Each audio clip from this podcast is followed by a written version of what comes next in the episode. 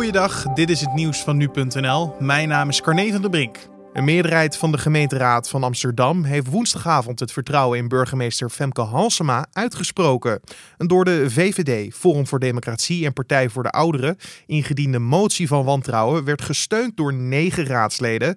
35 raadsleden stemden tegen de motie van wantrouwen. Halsema kwam onder vuur te liggen vanwege haar handelen tijdens een anti-racisme-protest op 1 juni op de Dam in Amsterdam. Op het protest kwamen veel meer mensen af dan vooraf werd verwacht. Daardoor konden de deelnemers zich niet aan de onderlinge afstand van anderhalf meter houden. De wet die gedupeerde ouders in de toeslagenaffaire bij de Belastingdienst moet compenseren, is voor veel Kamerleden nog verre vanaf. Veel partijen vrezen voor nog meer onduidelijkheid en willen verbeteringen zien. Dat blijkt woensdagavond tijdens een debat met staatssecretaris Alexandra van Huffelen van Financiën.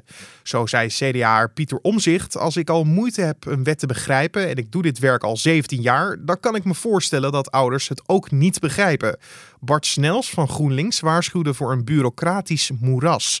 De staatssecretaris beloofde dat de eventuele vertraging van de wetsbehandeling geen invloed zou hebben op de compensatie van de gedupeerde ouders. De eerste betalingen staan gepland in juli, waarbij de hardst getroffenen als eerst aan de beurt komen.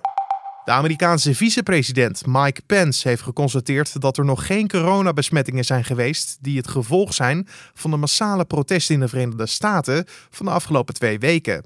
Op dit moment zien we nog geen toename in nieuwe besmettingsgevallen, bijna twee weken nadat de eerste protesten plaatsvonden, al dus Pence. Honderden duizenden demonstranten in het land gingen de afgelopen weken de straat op om te protesteren tegen racisme en politiegeweld. Aanleiding voor de massale demonstraties was de dood van George Floyd, die overleed nadat een agent minutenlang diens knie in de nek van Floyd drukte. En het aantal huizenkopers onder de 35 jaar is de afgelopen drie maanden sterk gestegen, zo meldt de hypotheker. Ondanks de coronacrisis was er van maart tot en met mei onder deze groep een toename van 40% te zien in vergelijking met dezelfde periode een jaar eerder. Hoewel de hypotheekbemiddelaar geen absolute getallen wil noemen, gaat het volgens de woordvoerder om een toename van een aantal duizend jonge kopers. In maart is vrijwel elk jaar een stijging van de verkopen te zien, maar de toename is volgens de in dit jaar echt uitzonderlijk. En tot zover de nieuwsupdate van nu.nl.